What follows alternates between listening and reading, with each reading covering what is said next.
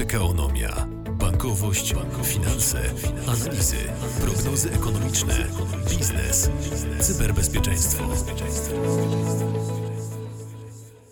Ernest Pytlarczyk jest razem z nami, główny ekonomista banku PKO SA. Witam Cię, Ernest. Dzień dobry. A ja nazywam się Paweł Jurek i zapraszamy Was na kolejne rozmowy o gospodarce w naszej PKOnomii. Dawno się nie słyszeliśmy, a dużo tak naprawdę wydarzyło się w gospodarce, ale kiedy czytamy takie główne przekazy, które się pojawiają wśród wielu ekonomistów, no to tak, produkcja przemysłowa spada, wyniki badania nastroju konsumentów w górę, dynamika zatrudnienia w dół, a płace do góry. No i w sumie jak to przeczytamy, to do końca nie wiemy, czy to jest dobrze, czy źle, w jakim momencie momencie i w jakim miejscu jest teraz nasza polska gospodarka. To jest urok danych miesięcznych, danych o wysokiej częstotliwości, że one czasami wysyłają różne sygnały, więc ekonomiści, statystycy obrabiają te dane, próbują wyciągnąć, co się właściwie dzieje, próbują wyciągnąć tendencje, czasami my to nazywamy często momentum, próbujemy czasami anualizować dane, żeby odbiorcy naszych treści przybliżyć, co się z tą gospodarką dzieje. I tu rzeczywiście jest tak, że gospodarka prawdopodobnie minęła ten najniższy punkt w cyklu i zaczyna się jak jakieś ożywienie. I teraz część ekonomistów nie może już wytrzymać w blokach i nawołuje, że to będzie straszny boom konsumpcyjny. Nawet ja widziałem w social mediach przed publikacją ekonomiści pokazywali y, jakiś rozpędzony pociąg, że to będzie ilustrował dane, które wyszły. No i okazało się, że zamiast wzrostu był spadek produkcji przemysłowej, a więc my myślimy że rzeczywiście, że jest ten punkt przegięcia w cyklu. Gospodarka zaczyna rosnąć, ale my się szykujemy raczej na maraton niż na sprint i o tym myślę, że dzisiaj warto porozmawiać. Wskazałeś tutaj na dane o konsumencie, one będą kluczowe, bo trochę tych scenariuszy jest opartych o to, że ten konsument wróci do życia i tam będzie boom konsumpcyjny. Warto dużo miejsca poświęcić inflacji i też mówiąc o tym, jak te dane my różne interpretujemy, no my je rzeczywiście tniemy i patrzymy, co tam w tej inflacji jest, jaka jest ta inflacja taka oczyszczona z różnego rodzaju wpływów cen regulowanych, jakieś 35-40% koszyka, które jest wolne od tego wpływu, że tam ta presja cenowa jest tak około 3,5-4%, a więc dużo niżej niż choćby wskazywała inflacja bazowa, która wskazuje na 7,3%. No i to jest punkt wyjścia do tego, żeby przyszły rok prognozować, czyli, czyli ta presja jest dużo mniejsza niż te, te takie nieoczyszczone miary by wskazywały. Więc tyle, jeżeli chodzi o tą interpretację tych danych, które teraz nadchodzą. One będą jeszcze takie trochę mieszane, ale my się skłaniamy ku temu, że do takiego wielkiego zrywu to nie będzie, tylko że Europa jest słaba. Czyli sprintu nie będzie, jak powiedziałeś, tak. ale maraton. Raczej maraton. terminologii biegowej. Tak, maraton, maraton. Poruszamy. Maraton to sprzyja też równoważeniu gospodarki, bo jeżeli będziemy mieli ożywienie, które jest niezbyt gwałtowne, no to prawdopodobnie będzie mu towarzyszył dalszy spadek inflacji. Nie wiem, czy to będzie cel, ale może przedział celu. No ale jednak, jak mówimy o tym maratonie, to mamy z tyłu głowy y, sygnał bardzo wyraźny, w sumie przekazany od ciebie, że ten maraton idzie w dobrą stronę. Nie w złą, spadkową, ale jednak tak, do tak, góry. Tak, sygnał jest rzeczywiście taki, że ten najniższy punkt cyklu jest za nami i gospodarka powoli zaczyna rosnąć i przyszły rok ten wzrost będzie prawdopodobnie koło 3%, może lekko poniżej, może lekko powyżej. Bardzo ciężko jest tak dokładnie to skwantyfikować, ale będziemy mieli inną strukturę wzrostu. Ten rok który mija. To jest rok, gdzie no, można powiedzieć, że była recesja w konsumpcji. Konsument naprawdę oberwał, dlatego że wchodził w zimę pełen obaw, mieliśmy szoki energetyczne, wysoką inflację, a w przyszłym roku będzie inflacja, która no, będzie wykazywała tendencję, ona będzie mocno pofałdowana z, z powodów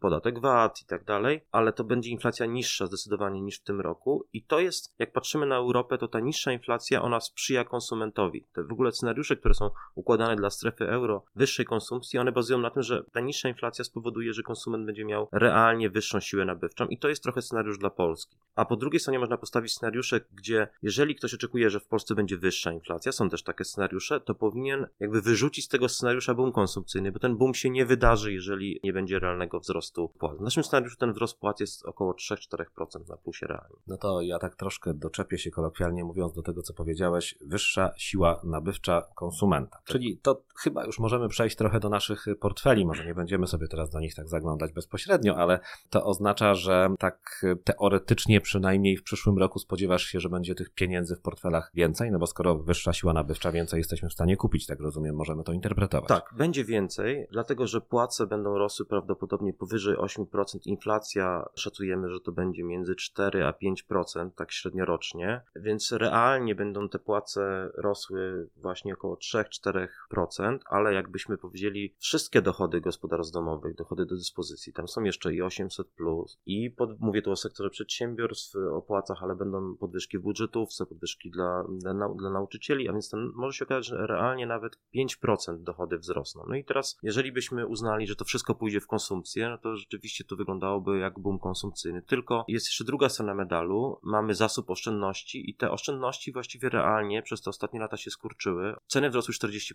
To był też fenomen, powiedzmy, bardziej globalny, nie tylko w Polsce ceny rosły, chociaż w Polsce rosły dość szybko rzeczywiście. Teraz taki konsument prawdopodobnie będzie chciał część tej realnej wartości oszczędności odbudować, a więc to przyszły rok będzie prawdopodobnie dobrym momentem, żeby nie tylko konsumować, tylko odbudowywać tą poduszkę oszczędnościową, żeby te cele oszczędnościowe no, były bliżej realizacji, bo myślę, że się w ciągu ostatnich lat oddaliliśmy ze względu właśnie na to środowisko wysokiej inflacji. Także my myślimy, że, że tutaj temu wysokiemu wzrostowi dochodów do dyspozycji będzie umiarkowany wzrost konsumpcji towarzyszył. Ale za to może to być rok oszczędzania, powiedziałeś. Tak, myślę, że to, że to będzie rok oszczędzania, będzie sprzyjał i wysokie stopy sprzyjają, a z drugiej strony nie sprzyjają finansowaniu konsumpcji na kredyt, bo będziemy mieli no, podobne stopy jak teraz, może jakaś e, symboliczna obniżka stóp procentowych. Te wysokie stopy no, sprzyjają odkładaniu konsumpcji, to nie jest najlepsze otoczenie dla inwestycji, bo te stopy są dość wysokie. Prawdopodobnie będą jakieś specjalne programy, które będą stymulowały rynek hipoteczny, bo wiemy, że przy hipotekach, koszcie hipotek około 8%, no to tam nie ma euforii. To jest drogi kredyt, a więc są, takie, są wyzwania, tak? Dlatego też nie jesteśmy tak hura optymistyczni, że to będzie takie odbicie bez, bez trzymanki, tylko to będzie takie miarowe odbicie, bo te stopy wysokie jednak realnie też będą dodatnie i, i to będzie czynnik, który będzie tutaj sprzyjał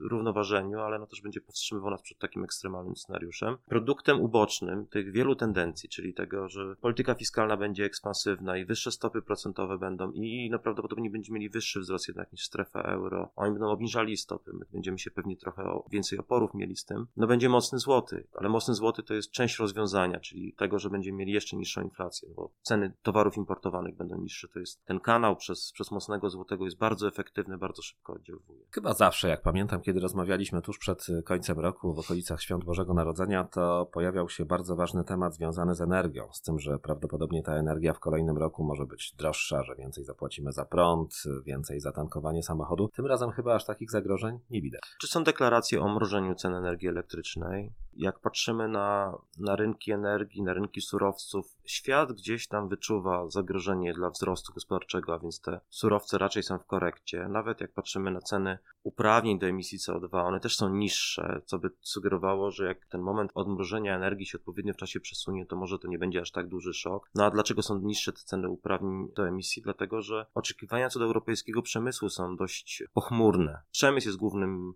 odbiorcą energii, no więc jeżeli tam nie ma oczekiwań na jakąś, jakąś bonanzę, no to, no to siłą rzeczy też nie ma oczekiwania na to, że będzie duży popyt na energię. Czyli tak już troszkę podsumowujemy, generalnie nowy rok całkiem pozytywnie nam się rysuje w tym, co mówisz. Jeszcze raz przypomnę, to nie będzie sprint, to będzie raczej maraton, ale cały czas idziemy do góry i to jest chyba bardzo ważne przesłanie i dobry moment na to, aby powiedzieć przed świętami coś takiego. Tak, dokładnie tak jak mówisz, co do tendencji raczej będą pozytywne tendencje. Powinniśmy odczuć ten przyszły rok jako, jako konsumenci jednak jako, jako lepszy rok niż 2023, oczywiście średnio rzecz biorąc. Na zakończenie tylko chciałem wszystkich zaprosić do lektury naszych periodyków. Przygotowujemy coś specjalnego, a więc na początku nowego roku będzie trochę miejsca i czasu, żeby zaprezentować scenariusze na nowy rok, nasz, nasze prognozy. I te krótkie, ale też mamy coś specjalnego, czyli będziemy też mówili o takich długookresowych trendach, także już zapraszam Was do lektury tych publikacji. Będziecie je mogli znaleźć na nowej stronie internetowej analiz makroekonomicznych zespołu, właściwie całego, który za analizę odpowiada w banku PKO SA. Tam dużo nowych informacji, dużo ciekawych informacji już teraz, ale po nowym roku, jak słyszeliśmy, będzie jeszcze więcej. Tak, zapowiada, że będzie jeszcze więcej. No to chyba kończymy na dzisiaj. Święta Bożego Narodzenia za chwilę, a więc wszystkim życzymy jeszcze raz, żeby ten nowy rok był naprawdę dobry, pomyślny, żeby były pełne portfele, a przynajmniej grubsze niż w tym roku. Coś byś dodał? Nie, to są bardzo zgrabne życzenia, także wesołych świąt i wszystkiego najlepszego w nowym roku. Bardzo dziękujemy. Do usłyszenia zatem już w nowym roku.